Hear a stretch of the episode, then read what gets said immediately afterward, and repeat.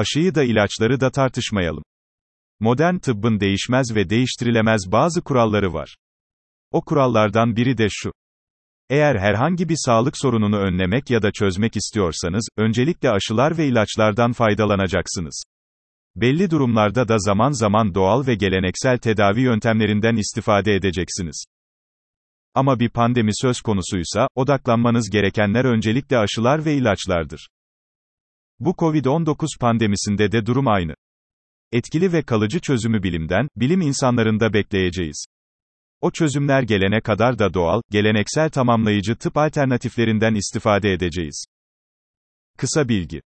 Önce güven aşılayalım. Aşılarda da ilaçlarda da güvenlik meselesi en önemli faktördür.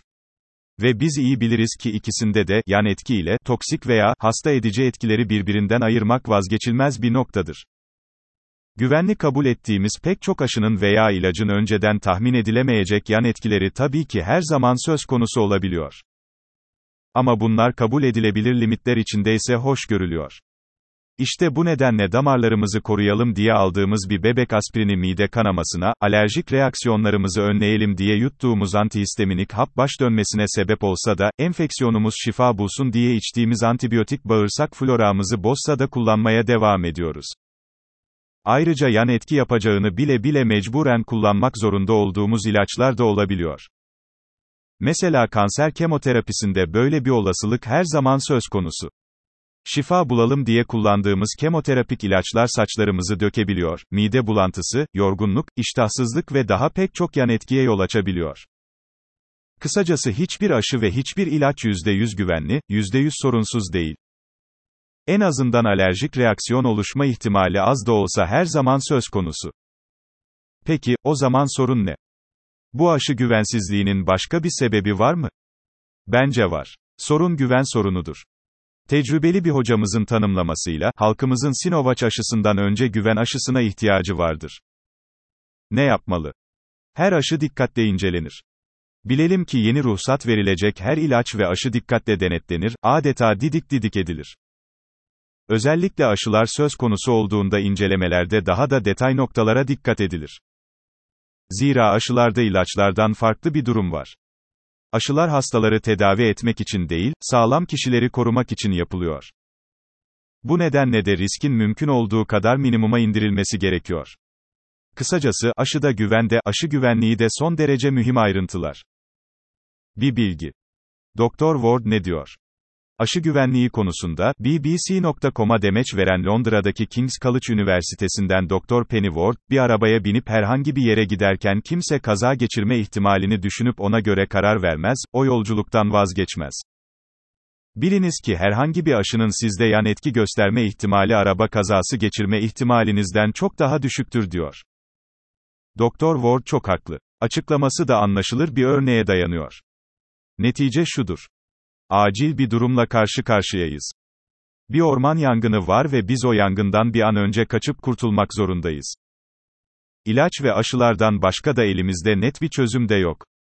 Ada çayına, ebe gümecine, kelle paça çorbasına, lavanta suyuna, sarımsağa soğana sağlığımızı emanet edemeyiz.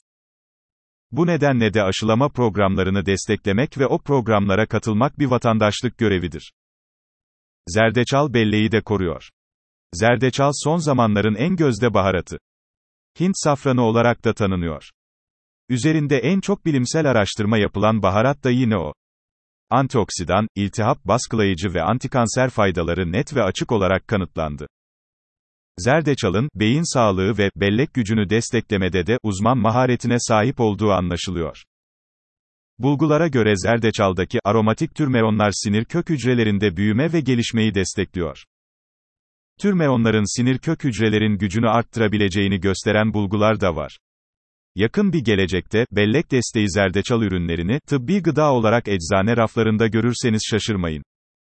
Güvenli ürünler çıkana kadar da ondan doğal yoldan faydalanmaya bakın, taze veya toz zerdeçalı daha sık ve bol kullanın. Kesip saklayın.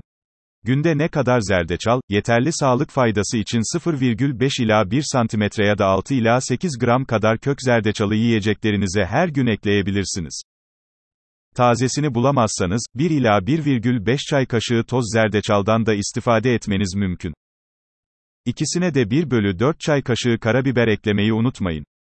Karabiber zerdeçalın faydasını neredeyse 20 kat arttırabiliyor. Zerdeçalın tozu tazesinden, sıcağı soğuğundan, yağ ile birlikte kullanılanı yağsız olanından daha etkili kabul ediliyor. Eğer safra taşınız, böbrek taşınız veya hamilelik durumunuz varsa zerdeçal kullanmanız tavsiye edilmiyor. Taze veya toz zerdeçalı yoğurdunuza, salatanıza, çorbanıza ekleyebilir, sıcak et yemeklerinize katabilirsiniz. Okur sorusu. Tiroidim tembel olabilir mi? Hipotiroidi yani tiroid tembelleşmesinin 10 temel işareti var. O işaretleri aşağıda sıraladım. Eğer bu işaretlerden 4 veya daha fazlası sizde de varsa bir laboratuvara gidin ve HSTSH testi yaptırın. Rakam 3'ten fazla ise aile hekiminizle görüşmeyi unutmayın. Hipotiroidin belirtilerine gelince, yorgunluk, kilo almak, üşümek, kabızlık, deri kuruması, depresyon, saç dökülmesi, tırnak kırılması, uyku eğilimi. Unutkanlık